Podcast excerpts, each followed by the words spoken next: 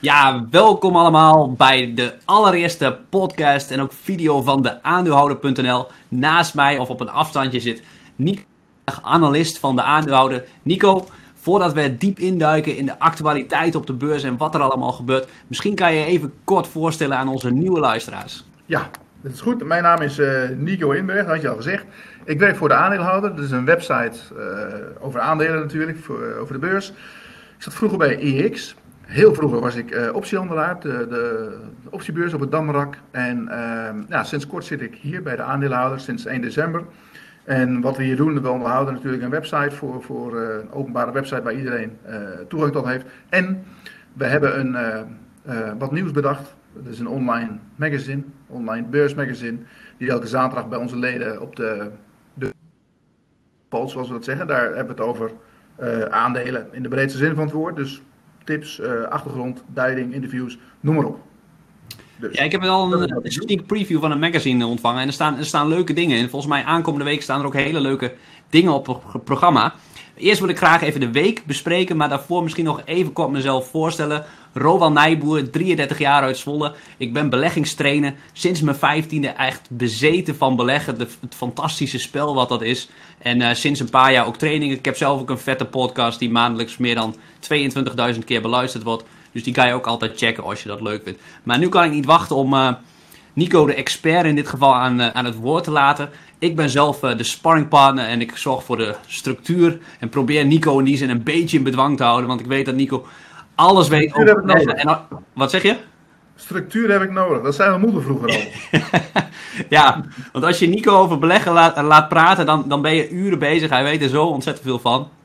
En uh, ja, zullen we maar uh, beginnen met de, de week even te bespreken, Nico? Ja, laten we het gewoon doen. Oké, okay, want wat, wat mij opviel in de media is TSMC, de Taiwanese chipproducent. En dat viel jou ook op, geloof ik. Ja, dat was natuurlijk heel bijzonder. Want uh, kijk, de, de, afgelopen jaar gingen de technologieaandelen allemaal hard omhoog. Ik moet wel zeggen dat het laatste half jaar eigenlijk, dat, dat als je kijkt naar de, de hele, hele grote tech-aandelen, de Amazons en de Googles, dat is een beetje dood geld op het moment. Hè. Die, die, die koersen die doen niet veel meer. Maar de, uh, de semiconductormarkt die doet het heel erg goed. En uh, je ziet ASML nog steeds omhoog gaan, ASMI en BESI. En uh, je zag eerder al deze week, hadden we al de berichten dat de, de, de, de autobouwers, dat die een tekort hadden aan chips. Die, die, er waren zelfs een stuk of wat, Ford, Honda geloof ik, Toyota, die moesten bepaalde productielijnen stilzetten. Omdat ze een tekort hadden aan chips. En dat, dat ja, geeft wel aan hoe die markt nu in elkaar zit. En dat er nu een uh, uh, enorme vraag is naar, naar die, die, die chips die met name in auto's, maar ook in andere dingen moeten. En uh, nou ja, toen kwamen die cijfers van TSMC, dat is eigenlijk de grootste op dat gebied. Dus de grootste chipbakker, die maken die chips. Die hebben dus de machines nodig van, van uh, ASML met name, maar ook van ASMI en van Bezi in mindere mate. En uh, die hadden sowieso heel goede cijfers, maar het allerbelangrijkste was dat zij hebben gezegd van ons investeringsbudget, dus hun, hun, hun capex, zoals ze dat noemen, die hebben ze fors omhoog geschroefd. Dat betekent, geld wordt natuurlijk uitgegeven aan, aan bedrijven waar ze die machines in kopen. Uh, en dat komt dus uiteindelijk bij uh, ASMI en bij ASML terecht. En, en uh, dat kan je eigenlijk op de achterkant van een envelopje, zeg maar, ja, vrij simpel uitrekenen. Je ziet dat bijvoorbeeld ASML 40% van hun omzet um, van TSMC krijgt. Wat echt de grootste is in dit gebied. Dan, en, en je ziet dat TSMC zijn budget met, met ongeveer 50% opschroeft. Ja, dat betekent dat uh, uh, ASML een omzetverhoging van pak een beet 20% kan verwachten de komende jaren. Uh, de verwachting is dat TSMC dat de jaren hierna ook doet. Dus je ziet dat die, die markt die staat een beetje in vuur en vlam. En ik, ik, vergelijk het wel eens met afgelopen jaar met, met een, een, een verkeersongeluk. Zeg maar. Je rijdt op een snelweg in, in, in een sukkeldraf. Je hebt gewoon uh, zeg maar 100 tegenwoordig. Ja. Uh, in één keer iedereen vol op de rem. Nou, dat had je gezien in, in maart afgelopen jaar. Sta je stil, of je staat bijna stil en begint weer te rijden. En je ziet nu dat we weer hard beginnen te rijden. Dus iedereen is aan het optrekken, gas geven. En uh, dat zie je in allerlei sectoren. bijvoorbeeld ijzererts is stinkend duur op het moment. Ehm, tarwe, soja, mais, ook allemaal hartstikke duur. Dus er wordt heel veel gevraagd nu. De vraag is enorm van iedereen wil zijn voorraden weer, weer uh, up-to-date hebben. En uh, ze voelen dat de markt weer gaat lopen.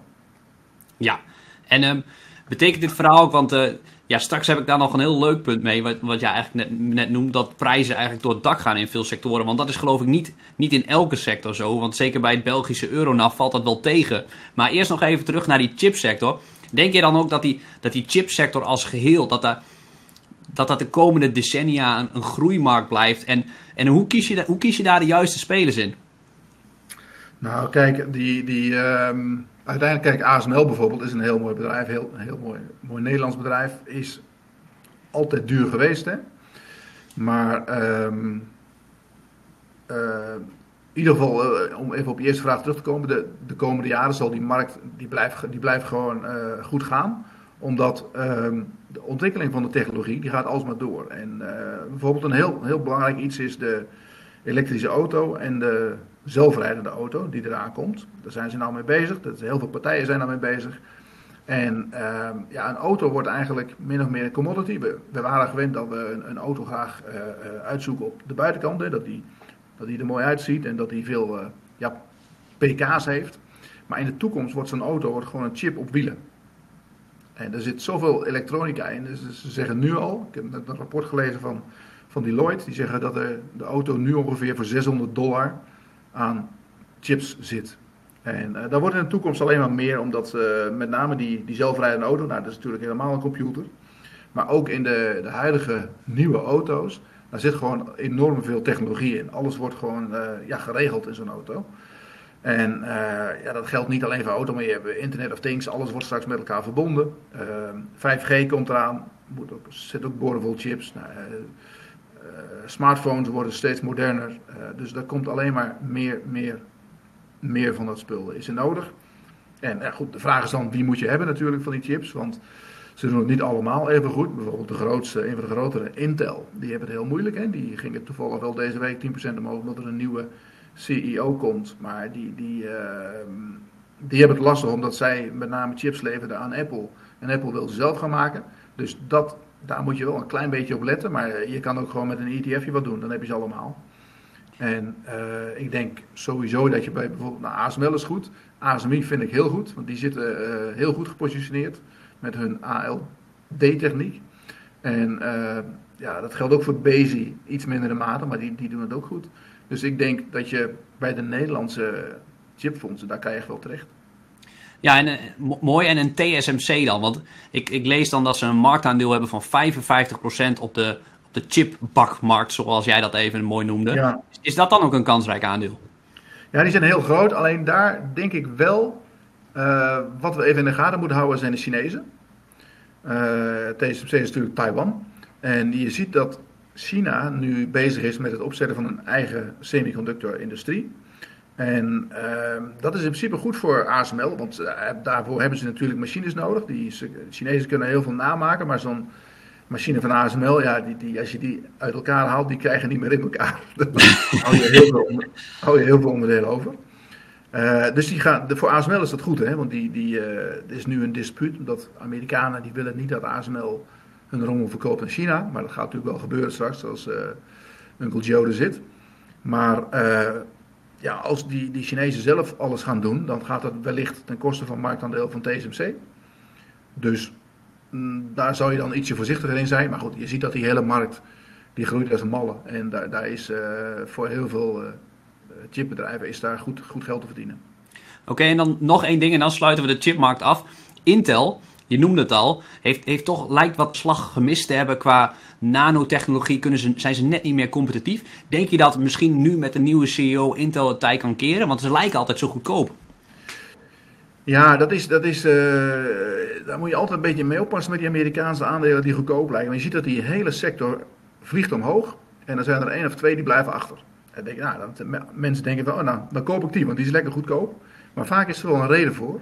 En bij Intel zijn ze bang dat, dat uh, inderdaad dat ze omzet kwijtraken omdat hele grote klanten het, het zelf willen gaan doen. En er wordt nu gesproken, dat, uh, ik weet niet of die nieuwe CEO dat gaat doen, maar dat lijkt me wel aannemelijk. Dat Intel heel veel gaat uitbesteden aan productie. Omdat, uh, als je heel eerlijk bent, Aziaten die kunnen veel goedkoper werken dan Amerikanen of Europeanen. Daar liggen de lonen in één keer een stukje lager, zijn efficiënter. En dan krijg je waarschijnlijk meer een situatie dat Intel die ja, wel de, de, de research doet en de, de R&D, zeg maar. Dat ze zelf die chips gaan ontwikkelen, wat heel veel van die Amerikaanse bedrijven doen. NXP doet dat bijvoorbeeld ook. Hè.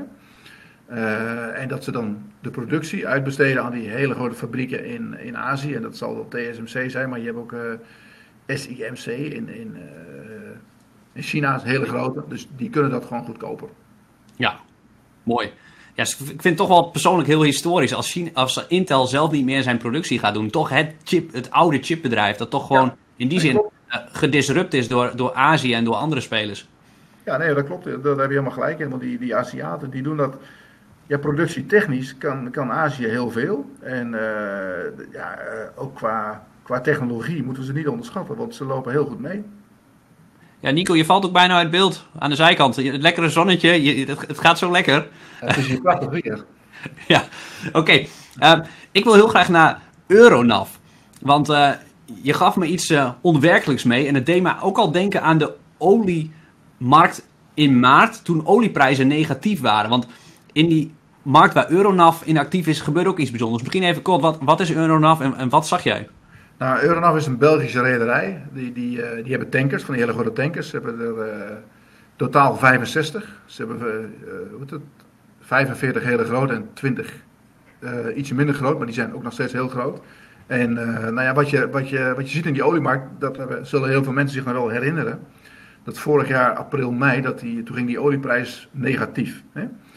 Uh, toen was er wat aan de hand met die future, die oliefuture. Wat, wat er gebeurt met die oliefuture is dat die, daar is nog uh, heel ouderwets eigenlijk fysieke levering. Dus uh, als jij zo'n future hebt en, en hij loopt af, dan moet je die olie afnemen. Dus dan moet je eigenlijk, ze komen niet bij je thuis om het in de kelder te gooien. Maar je moet ja. het in, in Amerika en Oklahoma, daar zijn hele grote opslagdepots. En daar moet je zeggen waar het dan afgeleverd mag worden. Um, maar die waren toen allemaal vol, want die olieprijs was, was enorm laag. Uh, de wereld stond stil, iedereen had olie over. En uh, nou, iedereen paniek natuurlijk. Um, nou, toen zochten mensen naar opslag en uh, nou ja, alle, alle depots van, van die lagen ook vol, of die waren een paar in onderhoud, dus die kon niet meer kwijt. En toen hebben ze gewoon olietankers gecharterd. Want ja, je koopt die olie voor een tientje, dat deed de handelaar die koopt die olie voor een tientje of lager. je huurt zo'n tanker en dan laat je het gewoon een half jaar liggen. Zo'n tanker die, die, die, die leg je ergens voor de kust van Rotterdam of in Schotland lagen er heel veel. En dan wacht je een half jaar tot de olieprijs aantrekt en dan ga je het weer verkopen. En dat is nu gebeurd. Dus toen was er een enorme vraag naar die tankers. Daar konden ze de hoofdprijs betalen omdat die olie zo goedkoop was. En nu is het precies andersom. Dus olie is nu duur. Hè? Dus ze verkopen nu die olie voor 50 dollar of zelfs hoger. Uh, dus daar hebben ze heel goed aan verdiend. Alleen, en die tankers die komen nu weer beschikbaar. Dus uh, alleen, uh, er is op het moment is er geen werk voor die tankers, omdat de wereld nog steeds in een soort lockdown zit. We anticiperen wel op, op weer een nieuwe uh, economische opgang, want iedereen is, is ja, zijn voorraad aan, aan het op peil brengen. Alleen voor olie is de eindvraag is er nog steeds niet, omdat we, we rijden nog niet en we vliegen nog niet, omdat lockdowns juist afgelopen weken werden verscherpt wereldwijd. Dus er ontstaat nu eigenlijk een gat dat is hoe ik, erover denk. Hè. Ik weet niet 100% uh, zekerheid. Maar er ontstaat nu eigenlijk een gat uh, ja, tussen die olie, die, eh, die, die uiteindelijke olievraag. En tussen de olie die wordt geproduceerd. En, en normaal gesproken moeten die tankers daar heen en weer varen. Alleen nu is er even geen werk voor ze. En je zag nu, je kan dat heel mooi volgen bij zo'n van die jongens op Twitter die dat dagelijks posten, dat die, die, die, die huurprijs van zo'n tanker, moet je je voorstellen, zo'n Euronav die heeft zo'n zo'n 27, 28.000 dollar nodig per dag om operationeel de kosten te dekken. Dat die, die, die, voor één tank. voor één, voor één ja. tank. En die prijs die lag, lag van de week, toen verbaasde me lag die op 8000. Maar een dag later ging je naar 4000. Dat is 3850 dollar. Krijg je zo'n tanker. Dus je kan, ik, ik, heb al, ik zei al van als je nog ietsje verder zakt, dan huur ik er zelf heen. Ja. Een familiefeest als die avondklok begint. Ja. Maar, dat, dat, dat is natuurlijk waanzinnig. Hè? Dat kan niet lang dat houden ze niet lang vol. Uh, het is toch zo dat Euronav heeft ook wel wat, wat ja, contracten die lopen gewoon langer door. Dus daar, daar zitten gewoon goede prijzen op. Dan maken ze denk ik 30, 40.000 per dag. Dus dat is, dat is goed. Uh, maar voor een aantal kleinere partijen die toevallig net een tanker hebben liggen die, die, die niks te doen heeft, ja, is dit, het kost elke dag heel veel geld. En die wachten echt op die vaccins dat die beginnen te werken. En dan hopen dat de, de wereld weer aan de slag gaat. Dat we weer gaan vliegen met z'n allen en, en uh, uh, gaan autorijden. Ja, als ik het even kort samenvat, nu is er gewoon een overaanbod van die schepen. Ja. Uh, worden er dan ook schepen uit de vaart genomen, omdat, omdat dat, ja, die prijzen ja. slecht zijn? Ja, en het, het, het, het, het, rare is ook nog dat je hebt, je hebt bijvoorbeeld die schepen, je hebt ook, ook schepen die containers vervoeren. En die zijn juist hartstikke duur, want er is een tekort aan containers. Dus uh, uh, dat noemen ze de draaibulk. Dat, die, die schepen zijn niet aan te slepen. Maar ja, je kan niet in zo'n olietanker van die containers gooien. Dat, dat, uh, ja, dat moet je maar ombouwen, maar daar ben je ook een half jaar mee bezig. Ja. Dus dat, dat, gaat gewoon niet. En wat ze nou doen, hè, is dat, dat er op het moment dat die prijzen laag zijn, dan gaan ze ja, versneld die oude schepen, die niet meer rendabel zijn, die halen ze uit de vaart. En die gaan ze dan die gaan naar de sloop in India. Daar zijn wel leuke filmpjes over van SBM, hoe, dat, uh, hoe verschrikkelijk dat, uh, dat daar gaat. Ja. Uh, maar die worden dan uit de sloop gehaald. En, en bij die, die andere, andere, andere schepen, voor die, die containers, is het juist andersom. Daar houden ze de schepen langer in de vaart, omdat maar zoveel mogelijk, dat er heel veel werk is. Dus het is een hele rare situatie. En goed, uiteindelijk, kijk, ik kijk naar het aandeel Euronaf. En dat is, ja, ik kan ongeveer uitrekenen wat het waarde is als je kijkt naar de waarde van de schepen. Uh, zeg maar de boekwaarde die ligt ongeveer op een tientje. En je kan ze nu krijgen voor 7 euro. En dan zou een, een, een echte aandelenanalist die zou zeggen van ja, dat is een cel, want, want uh, ze verdienen helemaal niks. Maar ik denk dat je iets langer ja, vooruit moet kijken, dat over drie, vier maanden, dat het er heel anders uitziet. En dan kan het in één keer hard omhoog gaan. Dus ik, ik zou ze nu juist, uh, ik heb ook zelf wat gekocht van de week. Want ik denk dat dat nu een mooie kans is om zo'n aandeeltje op te pikken. En dat sluit echt aan bij de filosofie van Warren Buffett. Die zegt eigenlijk koop als het bloed door de straten loopt. Nou, als er één ding in die sector is, als je 4000 dollar kan krijgen voor het huren van zo'n ja, tank. Het is heel veel bloed nu. Dan, wat zeg je? Het is een bloedbad nu. Ja, ja. ja. Het is echt een bloedbad. En uh, kijk, dan, dan gaat het erom, als er een bloedbad is, je moet zorgen dat je niet te veel schulden hebt. En dat je het uit kan zingen, dat, dat, dat er cash is. Hè. Ze hebben 160 miljoen aan cash op de balans staan. Dat hebben ze zelf. Ze hebben kredietlijnen van een miljard. Dus uh, het allermooiste is voor Euronaf dat dit nog even duurt. Dat een paar concurrentjes omvallen. En dat zij die, uh, die tankertjes goedkoop kunnen overnemen. Dat is mooi. Het zou mooi zijn voor... Een marktleider heeft altijd in een, in een crisis, die komt er over het algemeen sterker uit. Omdat ze gewoon de langste adem hebben. Ja, en ook, en ook omdat ze beursgenoteerd zijn, kunnen ze ook uh, waarschijnlijk makkelijke aandelen uitgeven en kapitaal ophalen om eventueel concurrenten ja. en problemen op te kopen. Ja, maar goed, kijk, aandelen uitgeven op, een, op zo'n prijs, dat gaan ze niet doen. Ze doen het juist andersom. Ze kopen zelf behoorlijk agressief aandelen in op het moment dat ze vinden dat de koers te laag is. Dus ze kopen, als ze mochten echt wegzakken richting 6 of 6,5, dan gaan ze echt uh, als een dolle inkopen, denk ik. Ja, en, en ik ben nog wel benieuwd, hoe ga je om met die onzekere factor? Die prijzen zijn nu laag, maar voor hetzelfde geld zijn die prijzen nog een paar jaar laag. Dat, dat is in, naar mijn idee niet uit te sluiten. Hoe ga je om met zo'n onzekere factor? Nee, maar die prijzen, dat, dat, is natuurlijk nooit uit te sluiten. Hoe die prijzen zich, uh, zich gaan gedragen. Dat is altijd lastig met bedrijven die afhankelijk zijn van grondstoffen. Omdat grondstoffen, uh, er zit vaak een varkenscyclus in. Hè? Het, is al, of alles of niks.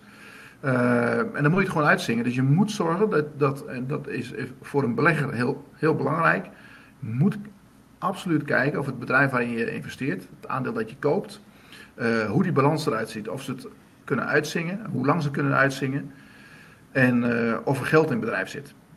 Want ja, ze moeten toch, al die tijd moet je de rekeningen betalen. En, en uh, we hebben dat gezien bijvoorbeeld afgelopen jaar met Basic Fit. Hè? Hartstikke mooi bedrijf, maar onvoldoende cash. En als, het dan, als er dan wat raars gebeurt, wat je misschien niet eens kunt voorstellen, maar er kan altijd wat raars gebeuren, dat hebben we gezien afgelopen jaar. Dan moet je een tijdje je rekeningen kunnen betalen en, en uh, ja, zonder inkomsten kunnen leven. Nou, dat, dat kan Euronaf, kunnen ze heel goed. Dus uh, wat dat betreft is dit nu denk ik een, een ja, redelijk veilige, hè, tussen aanhalingstekens, belegging. Ja, en dan een markt die wel op een hoogtepunt zit, dus in tegenstelling van Euronaf, is Duitse Post. Uh, natuurlijk een gekke huis in, in december, omdat we uh, overal weer in lockdown gingen. Recordwinsten, hoe zie jij dat? Ja, nou ja, goed, ik ben, ik ben, ik ben groot fan van de postbedrijven tegenwoordig. Uh, Deutsche Post is een hele degelijke partij, DHL, hè, die brengen ook pakketjes rond. Kijk, het gaat, we noemen het postbedrijf, maar de post is, is, is zeg maar old school. Het zijn pakketbedrijven, het gaat om de bezorging van pakketten. En, je, iedereen kan op zijn vingers natellen dat ja, PostNL en B-Post, dat die het hartstikke druk hebben. Die zitten op maximum capaciteit. Nou, dat, dat, dat, betekent dat ze heel efficiënt kunnen werken, want de busjes zitten vol. Ze rijden de straat in. Daar moesten ze, moesten ze vroeger bij twee of drie adressen zijn. Nu bij, bij bijna iedereen. Uh, iedereen is ook thuis, hè, dus ze nemen niks meer mee terug. Dus het is veel en veel efficiënter. Er wordt veel meer geld verdiend en je hoeft niet meer te concurreren op prijs. Nou, dat is natuurlijk fantastisch. Dus de vraag is, hoe, hoe lang duurt dat? Is dat slechts een, een, een half jaar of een jaar? We hebben, ja, PostNL heeft natuurlijk mazzel met die, met die nieuwe lockdown in Nederland. Dat we nu een zogenaamde uh, echte lockdown hebben. Geen intelligente meer, maar een, uh, ik denk een domme. Gewoon alles dicht. Ja. En ja, die hebben er gewoon een waanzinnig ja, kerstseizoen gehad. In, in, dat begon in november al, want iedereen wist je moet op tijd bestellen. Uh, dat geldt ook voor B-Post. En we zagen dus van de week, zag je dan de cijfers van, van, uh, uh, van, van Deutsche Post. En dan was het heel interessant te zien om hoeveel ze nou echt verdienen. Want we weten allemaal, omzet is, is waanzinnig, maar hoeveel verdienen ze eraan? En moet je je voorstellen, Post, of, Deutsche Post had een, een, een, voorspelling van de winst gegeven. Van die komt, ze zei, die komt uit tussen de 4,1 en de 4,4 miljard. En het werd 4,8 miljard. 4,8 en een half nog zelfs. Dus de, dat ging echt ver, ver over de verwachting heen. En nu zijn Duitsers zijn natuurlijk efficiënt, dat weten we, maar dat, dat geldt waarschijnlijk ook voor PostNL en, uh, en B-Post. Dus ik denk dat daar um, straks een behoorlijke ja, verrassing uitkomt aan de bovenkant van wat zij gaan verdienen. Mooi. En het leuke bij PostNL is, daar hebben we natuurlijk een hoop ellende mee gemaakt. Uh, deed zelfs in maart nog onder een euro. Maar uh, daar is de boel echt, ja, eigenlijk dankzij de pandemie, is de boel echt omgedraaid. En kan Herna straks weer dividend uitkeren. En dan is iedereen weer blij. Mooi. En, want je zegt postbedrijven zijn efficiënt. In, in, in Amerika is Amazon bijvoorbeeld als een eigen bezorgservice aan het optuigen. En daar staan die postbedrijven best wel onder druk. Is, ja. is zoiets ook denkbaar dat, uh, ja, in Nederland is Amazon niet zo dominant, maar in Duitsland bijvoorbeeld best wel. Hoe zie jij zoiets? Nou, dat is, nou, dat is wel een dingetje. Dat, dat geldt niet voor nu, want, want nu heeft iedereen de handen vol aan zichzelf. Hè. Iedereen, moet, uh, iedereen werkt op maximum capaciteit. Maar ik ben wel heel benieuwd hoe Amazon dat straks ook hier in Europa gaat doen. Je, uh, als je kijkt op de website van Amazon, dan kan je daar gewoon, je kan je daar aanmelden. En dan word je gewoon zelf uh, ja, een postbedrijfje. En dan kan je wat mensen aannemen en zo. Dan, mag je, dan krijg je van hun een wijk toegewezen. En dan kan je gaan bezorgen. Dan krijg je een busje van Amazon. Elektrische busjes hebben ze straks. Dus um, dat doen ze in Amerika. Ik weet niet of ze dat hier ook gaan doen. Want die markt hier zit natuurlijk wel wat anders in elkaar. Maar uh, je ziet wel dat zij, uh, en dat geldt niet alleen voor PostNL, maar ook voor bijvoorbeeld Albert Heijn met bol.com, voor Ahold, dat Amazon eraan komt. Die willen marktaandeel pakken hier. Dat gaat ze ook lukken, want ze zijn en heel goedkoop en ze zijn heel goed qua service. Um, dat gaat in Nederland komen, dus dat, dat, uh, ja, dat weet iedereen. En dan is het de vraag hoe zij die bezorging gaan doen, of ze dat via de bestaande kanalen doen of dat ze, ze zelf wat opstarten. En dan wordt het ook wel interessant om te zien wat de andere partijen doen. Want je kan je ook voorstellen dat we straks niet zitten te wachten. Ja, jij ook niet eens voor. Dat er straks zes van die busjes achter elkaar laten rijden. Van, van DHL en PostNL en DPD en, en eh, UPS en FedEx. En dan ook nog Amazon erachteraan met uh, zijn elektrische busjes. Dus dat, ja, het is ook levensgevaarlijk, want ze scheuren echt door die wijk omdat ze zo snel mogelijk die pakketjes moeten bezorgen. Als, ze de deur, als ik de deur open doe, dan gooien ze hem nog net niet naar binnen. Nee, die gasten werken zich slag aan de rond, ja. ook op zondag. Dus, uh, maar goed, dus wellicht komt daar wel wat consolidatie in die markt. En uh, nu is iedereen druk met zichzelf. Maar ik denk ook wel dat ze nadenken over de toekomst, hoe dat eruit moet gaan zien. Uh, er komen wel allerlei nieuwe oplossingen natuurlijk. Uh, er, komt ook een, er komt een nieuw bedrijf naar de beurs in, in Amsterdam, een Pools bedrijf. Hè? Dat zijn geen bouwvakkers, maar echt een high-tech bedrijf. Ja. Die, die, die, die, dat heet Inpost. En die, die leveren kluisjes, hebben ze overal staan. Dat is in Polen heel. Uh, daar hebben ze overal al. In de grote steden in Polen, in, Warschau en zo. En dan gaan ze kluisjes neerzetten en dan kunnen de, de postbezorgers daar hun spullen afleveren. Ze hoeven ze niet bij iedereen thuis langs. Als jij bijvoorbeeld van je werk komt, dan rij je daar langs en dan haal je al je rotzooi op. Dus uh, nou ja, ze zijn ook bezig met drones natuurlijk, met Amazon in, in, in Amerika. Dus die bezorging, dat is een heel interessant, interessante markt. Ook omdat partijen als ja, Just Eat Takeaway, die doen ook aan bezorging. Ja. En dat wordt een hele, hele interessante markt om te zien hoe dat zich gaat ontwikkelen. En ik ben benieuwd hoe PostNL zich daarin staande weet te houden. Maar goed, de komende jaren is het nog, kan iedereen zich dan lekker volvreten. En wat, wat, wat trouwens ook wel uh, interessant was, is dat, dat de Deutsche Post, die hebben, die hebben natuurlijk een extreem goed jaar gehad. Maar ze kwamen toch met een outlook voor volgend jaar die hoger lag dan dit jaar. Dus ze denken dat ondanks dat dit een extreem goed jaar is, verwachten ze volgend jaar nog meer te verdienen. En het jaar erop nog meer.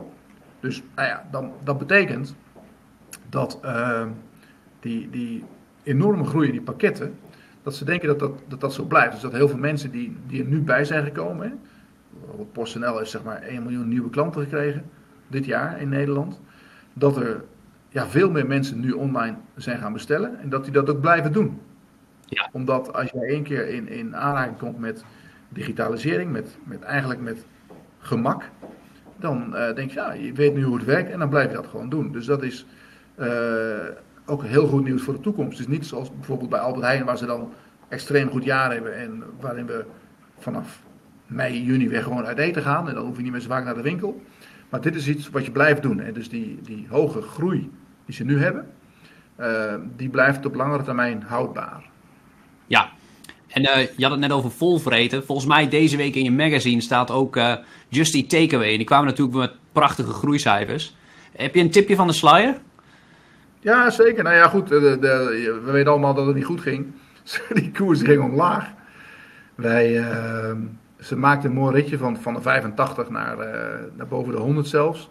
En die cijfers waren, die waren waanzinnig natuurlijk. Met name in Engeland groeien ze hard, er wordt veel in geïnvesteerd. Alleen, um, wat je ook al eerder zag bij, bij Takeaway, toen ze in Duitsland bezig waren, toen moesten ze daar de zaak uitvechten met die Duitse concurrent. En dat krijgen ze nu in Engeland weer en dat gaan ze in Amerika ook doen. Dus uh, Jitse die wil heel veel uh, uh, investeren in groei. Hij wil marktaandeel pakken en de winst is iets minder belangrijk. Dus nou, dat was een teleurstelling voor de markt, zoals het dan heet. Dus je zag het aandeel omlaag gaan. Het gaat nu een aantal dagen achter elkaar omlaag. Voor mij vandaag zelfs richting 8,89. En ehm, ja, dat, daar heb je mee te maken. Maar ik, ik vond het zelf een beetje een uh, overdreven reactie. Omdat als je kijkt naar de Amerikaanse concurrenten van Takeaway. Die doen exact hetzelfde. Die, die, die focussen alleen maar op marktaandeel. Dat is typisch Amerikaans. Amazon die is op die manier groot geworden. Die heeft nog nooit winst gemaakt. De afgelopen jaar pas voor het eerst. Die gingen al hun winst, die maken wel winst, maar die herinvesteren dat in groei. Nou, uiteindelijk, dat is een beetje het, het model van, van tegenwoordig. Hè? The winner takes it all. Als je zorgt dat je de grootste bent, dan maak je de rest kapot. De rest sterft af en je hebt de markt. Ja, in dit geval de... Dat, dat, maar je moet wel eerst zorgen dat je de grootste wordt. Dus je moet eerst die marketingoorlog uitvechten. Ja, dat kost bakken met geld. En, en je ziet dat die, die concurrenten van Takeaway, die hebben hoge beurswaarderingen. Uber Eats, uh, zit Uber achter natuurlijk. Nou, die zijn, zijn redelijk duur. DoorDash, die is net naar de beurs gegaan, die, die, die wordt ook waanzinnig gewaardeerd. Nou, als die jongens nieuwe aandelen uitgeven, dan uh, hebben ze heel veel cash ja. en dan kunnen ze doen wat ze willen. Ja. Dus hij moet, nu wel, hij moet nu wel een stap maken door uh, uh, ervoor te zorgen dat hij ze voorblijft. Ja, bizar verhaal ook dat DoorDash pas in 2012 opgericht. En denk, denk, je, ja, denk je dat er een kans is dat, ze, dat Jitse Groen ooit de tent gaat verkopen aan een DoorDash of een Uber Eats? Nou ja, god, als hij een goed bod krijgt. Kijk, hij wil het zelf doen. Hij kent die markt als geen ander. Maar hij heeft dat. Uh, Grubhub heeft hij eigenlijk heel goedkoop overgenomen als je dat zo ziet. Als je vergelijkt met de waarderingen van Amerikaanse bedrijven. Ja, als hij bijvoorbeeld de hele tent kan verkopen aan Prozus, hè, die zit ook in die markt. Waarom niet? Ja, die, die grote... lekker op vakantie gaan, maar goed. uh, kijk, dit is een, dit, Jitsen is natuurlijk echt een ondernemer. En je ziet ook dat hij zich boos maakt dat hij zijn waardering achterblijft. Um, dus ja, die gaat dat niet meer zo doen natuurlijk. Nee, nee. En uh, hun grootste aandeelhouder na Jitse Groen is Rock. Dat is dat, is dat hedge, funds, hedge fund. Die zijn ook gewoon nog heel positief en eigenlijk alleen maar positiever, geloof ik. Um, ja, gezien de tijd, wat, uh, wat staat er verder nog in het magazine deze week? Heb je een paar... Uh, nou, we hebben zoals altijd weer een leuke puzzel. En die gaat over, over CEO's van vroeger. wat hebben we nog meer? We hebben, we hebben Takeaway. heb ik al gezegd. God, zo moet ik denken. Euronav. We hebben een heel leuk artikel over beleggen in China. Heel leuk. ja, Chinese aandelen. Mensen kijken natuurlijk heel erg naar China. We willen daar ook meer aandacht aan gaan besteden de komende tijd.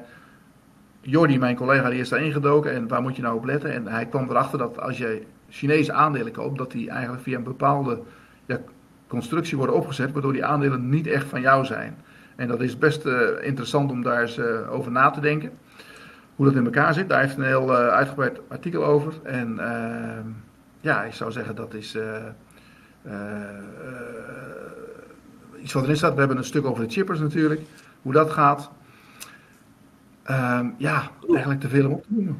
En, uh, en, en aankomende week dan, wat, wat, staat er, wat staat er allemaal op de agenda? Want volgens mij is het weer cijferseizoen. Het is cijferseizoen, het gaat eindelijk beginnen. Nou, het begint meestal met ASML altijd. Dat is dit jaar ook zo natuurlijk. Van mij komt ASML woensdag met de cijfers.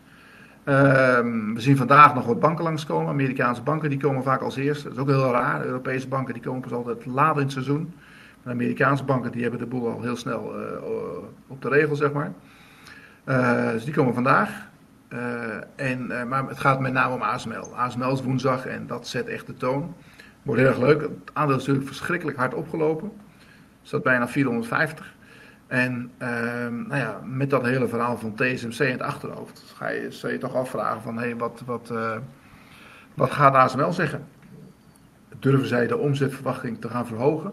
Of zeggen ze van, doe nog voorzichtig aan. Hè? Eerst maar, maar zien of het geld inderdaad onze kant op komt hoeveel machines verkopen ze, hebben ze nieuwe bestellingen binnen.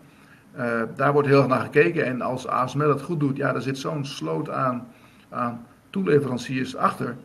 Dus dat is, uh, ja, dat, dat, hele Brabant, dat wordt gek straks. Ja, is toch... Eindhoven de gekste, zeggen ze wel eens. Wat zeg je? Eindhoven, Eindhoven de, gekste. de gekste. Ja, bizarre verhaal. Dat, en, en ook als ASML dus die verwachtingen um, verhoogt bijvoorbeeld, dat dat de hele chipsector in beweging zet. Dat, dat is fascinerend. Ik ben gewoon echt trots op dat, dat zo'n Nederlands bedrijf het voor elkaar heeft gekregen. Want je ziet vooral... Dat hebben wij toch maar mooi gedaan. Wat zei je? Dat hebben wij toch maar ja, mooi gedaan. Ja, ja, daar zijn wij twee echt trots op. Hè, dat wij daar uh, een goede bijdrage aan hebben geleverd. Uh, ja, heb je tot slot nog een, een mooie kooptip uh, voor de luisteraar? Nou, kijk, wat we, hebben het magazine... Ik, kijk, wat ik... Het is wel leuk om misschien te zeggen wat ik zelf een beetje gedaan heb. Ik heb wat, uh, wat euro af, ben ik voorzichtig wat dat aan het kopen. Niet te snel nog, want uh, die, die, die markt die is natuurlijk hartstikke slecht. Um, ik kijk naar TomTom. TomTom vind ik heel raar wat daar gebeurt. Het loopt elke dag alleen maar op. Ik weet niet wat er speelt. Het is vanaf ja, november al, al, uh, al opgelopen eigenlijk. Tot... Ehm, ehm, het komt van de 6. Stond in november. Nu staat het 9,5 geloof ik. Dus ik vind dat heel raar dat het aandeel ik kan zeggen, de hele markt loopt op, maar, maar uh, je ziet dat, dat ik moet even mijn telefoon wegdrukken, want iemand probeert me te bellen. Dan zit ik niet op te wachten. Hup, wegwezen. um, dus dat, dat is interessant. En uh, ik had wat Toei gekocht. Toei. Ben je, ben je ook op vakantie van de zomer of niet? ja, dat is wel de bedoeling, maar nog even afwachten. Maar jij gaat dus, jij speculeert op grote feesten en grote vakanties, we straks gevaccineerd zijn. Het is een volhouding. Nee, ja, god, er zijn toch heel veel mensen die al vakanties boeken inderdaad. En nou ja, goed, kijk, mocht het weer, weer gaan beginnen, dan kan je toch wel verwachten dat, dat die, die vakantieaanbieders, die hebben het voor mij hartstikke druk, want iedereen is vakantie aan het boeken. Dus dat zit er wel aan te komen. Het aandeel is wel een beetje aan het oplopen nu, dus het is niet al te duur, rond de 4. Altijd aardig. Ben je niet bang voor die... Wel een beetje voorzichtig zijn, want de beurs is inderdaad hard opgelopen en... en ja, het gaat toch wel vooral met, met in het achterhoofd de lage rente, weet je wel. Mensen weten niet waar ze met hun geld heen moeten, maar je moet wel een klein beetje aan de voorzichtige kant spelen. Want iedereen vliegt nu als een dol op die markt. En uh, een klein beetje voorzichtigheid is wel geboden. Ja, ja, in bepaalde sectoren zie ik wel echt gekte. Bijvoorbeeld de elektrische auto-revolutie gaat, gaat ongetwijfeld gigantisch hard groeien. Maar als je bepaalde bedrijven ziet, zoals een, een, een Fastnet, ik weet niet of jij daar ook een mening over hebt. En die. Ja, daar, daar, hebben we toevallig een stuk over, ook in, in het magazine. En uh, ja, daar wordt, wordt 70 euro betaald voor zijn aandeel. Dat is natuurlijk waanzinnig. We hadden een omzet van 1,9 miljoen. Maar het bedrijf is een miljard waard. Ja. Dus dat, is, uh, ja, dat valt niet te rijmen. Goed, die markt gaat hard groeien, dat is waar. Maar ja, ik bedoel, Fastnet zit niet precies helemaal goed. Hè, want elektrische auto's, die gaan wel... Uh, er komt er heel veel van. Stel dat alle auto's elektrisch worden dan heb je straks 2 miljard elektrische auto's. Maar uh, die gaan niet allemaal tanken onderweg. Je tankt meestal thuis. Je laat, zeg maar, thuis of op het werk of bij de IKEA of bij de Appie. Maar niet, uh, niet uh, langs de weg. Dat doe je alleen in geval van nood. Als je onderweg bent, als je langere tijd onderweg bent, vakantie, weet ik veel. Dus ehm, ja, maar dat, dat, dat, zo gaat dat nu op de beurs tegenwoordig. Als ergens wat, wat te doen is, dan vliegt iedereen erop af. Er is veel geld in omloop. En uh, het zij zo. Ja. Daar moet je wel mee oppassen. Ja, want dat, uh, doet mij veel denken aan de, aan de internetbubbel uh, in de jaren 2000. Toen dat, toen dat klapte. Dat alles wat iedereen, elk bedrijf die .com achter zijn naam zette. Ja, dat ging ook door het dak. Totdat er in één keer mensen achterkwamen. Ja, dat er ook bedrijven achter zitten die gewoon winst moeten maken en omzet moeten genereren om een succesvol aandeel te zijn op de lange termijn. Kan, kan dat zoiets. Ik zie heel veel gelijkenissen namelijk met die dotcom-gekte, toen de internet-economie en nu misschien een beetje de elektrische autorevolutie. Ja, dat is natuurlijk wel een beetje zo. Alleen, kijk, we kunnen nu wel redelijk uittekenen dat die, die markt voor elektrische auto's, dat die, wordt, die wordt heel groot. Dat, dat is, hè, dat, daar is iedereen het wel over eens. Er de overheden zitten erachter. Um, en in 2000, toen uh, bijvoorbeeld voor, voor, voor, voor, World Online, werd op een gegeven moment 18.000 euro per abonnee betaald. Uh, omdat ze dachten van nee, dat, dat, dat wordt het helemaal. En uh, internet is natuurlijk wel, is het wel he helemaal geworden. Internet is heel groot. Je ziet nu dat de grootste bedrijven ter wereld, dat zijn internetbedrijven. Hè, de Google en de Facebooks, Amazon, noem maar op. Dus alleen, je weet nooit wie uiteindelijk de winnaar wordt. En de, de grote bedrijven van toen, waarvan men dacht van dat worden de winnaars, ja, dat zijn een aantal van, die bestaan niet eens meer. Ja. De, uh, dat World Online, dat is natuurlijk helemaal verkeerd afgelopen. Ja. Terwijl, uh, ja, Amazon heeft het wel gered. En nu is de vraag, hè, als je nou kijkt naar de elektrische auto, dan zegt oké, alles wordt straks elektrisch, dat geloof ik wel. Maar welke van die autofabrikanten gaat het redden? Want je moet, ze moeten heel veel investeren in elektrische auto's in nieuwe modellen. En dan is de vraag, welke modellen gaan het redden? Wordt het toch Tesla? Wil iedereen Tesla? Als je nu een klein jongetje vraagt van, uh, in mijn tijd was, wil iedereen een Porsche, nu wil iedereen een Tesla. Nou, is dat over tien jaar nog zo? Uh, nu komen die Duitse auto's erbij. Uh, Volkswagen komt met hele mooie modellen. Dus de vraag is, wie gaat dat allemaal winnen straks? En wie, kan er, wie heeft er de cash om zoveel te blijven investeren? En wat dat betreft is die, die, die, kijk, die waardering van Tesla is ook bizar. Mijn collega Matthijs Kok heeft daar dit weekend in, in het magazine ook een artikel over. Um, ja, dat, dat, bedrijf is, is meer waard dan alle andere autofabrikanten bij elkaar. Um, maar de vraag is of ze het, uh, dat marktaandeel wat ze nu hebben, of ze dat kunnen vasthouden. Of dat er straks een, gewoon hele goedkope of betere andere modellen komen. En, en dat vind ik een beetje link als je zegt van oké, Tesla, ja, ik geloof wel dat het hele mooie auto's zijn, dat het uh, goed gaat. Die Musk is een, is een visionair. Alleen, um, er is ook nog concurrentie. Ja, ja. Wat ik, wat ik ook denk is, in die elektrische autosector, dat de autosector de afgelopen 50 jaar was als sector een ontzettend slechte belegging. Omdat er gewoon heel veel concurrentie is en ja, heel kapitaalintensief. En ik zie dat deel nog niet echt verdwijnen. En dat die concurrentie wordt naar mijn idee misschien alleen maar groter. Omdat je heel veel nieuwe toetreders ziet, zoals een NIO wat nog niet bestond. Uh, de Apple Car die er waarschijnlijk toch gaat komen. Baidu gaat ook nu met de zelfrijdende auto bezig. Ja, dat kan misschien voor een aantal partijen heel goed uitpakken als je die markt kan veroveren. Maar dat is ook heel risico voor andere partijen. Dat is natuurlijk ook interessant wat je zegt. Hè? Dat, dat is die, die, die, die autofabrikanten die maken een auto. Die maken zeg maar de, de, de omhulsel. Maar de, de technologiebedrijven die gaan zich er ook mee bemoeien, want die, die maken de binnenkant, die maken de, de techniek en de software. Dus de vraag is straks, wie, wie gaat nou bepalen hoe zo'n auto eruit ziet? Uh, die autofabrikanten die krijgen gewoon een, een andere partijen op hun markt die ook auto's gaan leveren. En uh, wat je net zei, Apple, Apple gaat daarmee bezig. Dat is natuurlijk heel erg leuk, want die, Um, die gaan natuurlijk niet zelf zo'n auto in elkaar sleutelen. Dan moeten ze een fabriek bouwen, dat gaan ze niet doen. Dus die gaan waarschijnlijk samenwerken met een, een autobouwer die een beetje bij het spel staat. Dus die zoeken er gewoon één uit, die, die uh, een beetje aangeschoten wild is. En dan kopen ze die fabriek en zeggen, nou, ga hier Apple-autootjes Apple maken.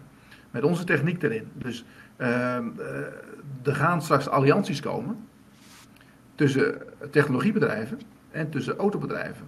En eh, dan uh, ben ik heel benieuwd hoe zo'n Apple dat nu gaat doen. Want die, uh, kijk, die autobedrijven die hebben geen cent te makken. Volkswagen heeft dan wel cash, maar die hebben wel, wel, kunnen wel investeren. Maar de, de meeste andere bedrijven, de Franse bedrijven, zo, ja, dat, gaat echt niet zo goed daar. Maar uh, die technologiebedrijven, die hebben geld zat. Apple heeft gewoon 100 miljard of 150 miljard, weet ik hoeveel ze inmiddels hebben. Dus die kunnen doen en laten wat ze ja. willen. die gooien er zoveel, zoveel geld tegenaan. Dat ja, als zij die markt willen hebben, dan pakken ze hem. Ja, en ik sluit ook niet uit als Apple dat eerst zo'n alliantie aangaat. Maar net als de chipmarkt, waarin ze eerst chips van Intel afnemen, gaan ze nu zelf Apple de chips produceren. Dat ze dat bij de automarkt misschien uiteindelijk ook wel gaan doen. Naarmate ze het kunstje kunnen. En misschien beter kunnen. Ja. Ja, maar Apple is wel een bedrijf dat alles uitbesteedt. Die iPhone wordt ook uitbesteed. Dat, uh, die wordt gemaakt door uh, Foxconn, dat doen de Chinezen. En uh, zij, zij zijn, ik denk niet dat ze de fout maken dat ze zelf in de productie gaan. Dat is best wel een hoop gedoe. met lage marges. Dus ik zou het gewoon, denk dat ze dat gewoon gaan uitbesteden. En zij zetten vol in op ontwikkeling, RD en op de software. Dat is al lastig zat. En dan gaan ze die, die uh, autootjes die laten gewoon waarschijnlijk in China in elkaar sleutelen straks. Yes. Dus, we gaan, maar het wordt een interessante, interessante uh, ontwikkeling ook, hoe dat precies gaat. En met, helemaal met die zelfrijdende auto, want dat wordt natuurlijk ook nog een heel ding. Want ik vraag me ook nog af hoe de maatschappij er straks tegenaan kijkt. Als jij daar lekker straks, als je wat, wat, wat ouder bent en je hebt een paar kleine kindjes en je zit op je stoep. En er komt zo'n zo'n auto langs zonder iemand erin. Wat je daarvan vindt. Of je zegt van nou, ik, heb dat liever niet eigenlijk. Ja. Ja. Die kinderen daar op staat lopen. Je moet er wel op vertrouwen dat zo'n ding dan automatisch remt. Ja, ik weet niet of dat de maatschappij dat zo makkelijk oppikt allemaal. Dus, uh, maar misschien worden ze gebruikt voor bijvoorbeeld op vliegvelden en zo, weet je wel, dat soort dingen. Gewoon, gewoon uh, ja, een vast parcours. Ja. En, uh, ik denk dat waar ik vandaan kom in Drenthe, dat daar zo'n zelfrijdende auto, dat, die geef ik niet zo oh, het lijkt mij wel echt ideaal dat je gewoon in je auto kan stappen en gewoon kan chillen en dat je gebruikt. Ja, maar dat, dat, dat krijg je wel steeds meer. Dat heb je nu met de moderne auto's van nu ook natuurlijk. Die, die houden hem al binnen de lijntjes. Dat is al heel wat. Hè? Dat, dat, uh, ik had een buurman die was naar Portugal geweest. Die heeft een nieuwe Mercedes. Die zei, ja, ik hoef niks te doen onderweg. Dat ding doet het eigenlijk ja. vanzelf. Ja. Ik hoef alleen maar te zitten. En ik, je houdt het wel een klein beetje in de gaten. Je kan net niet gaan slapen. Maar ja, dat, dat heb je natuurlijk wel. Maar dat er helemaal niemand in zit, ik weet dat niet. Nee. Maar goed, de, daar wordt heel veel van verwacht en uh, heel veel in geïnvesteerd.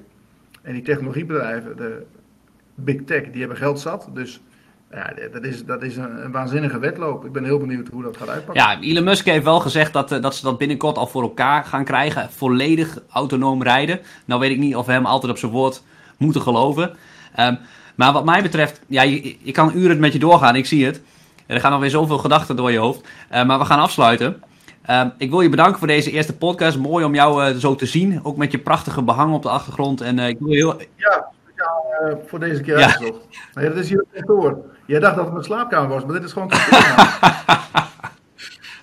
ja, ja, ja, ja, ja. Ja. Nee. We zullen zorgen, ik wil, wil gaan geen nieuw behang doen, maar misschien een mooie poster erachter van, van weet ik veel wie. Van mij. van mij. Hè? Nou, ik, ik zal er wat anders denken, maar goed, we gaan eens even rustig rondkijken de komende weken. Ja, bedankt uh, Nico voor je tijd. En, uh... Ja, leuk jou gesproken te hebben en volgende week gaan Precies, we verder. tot volgende week.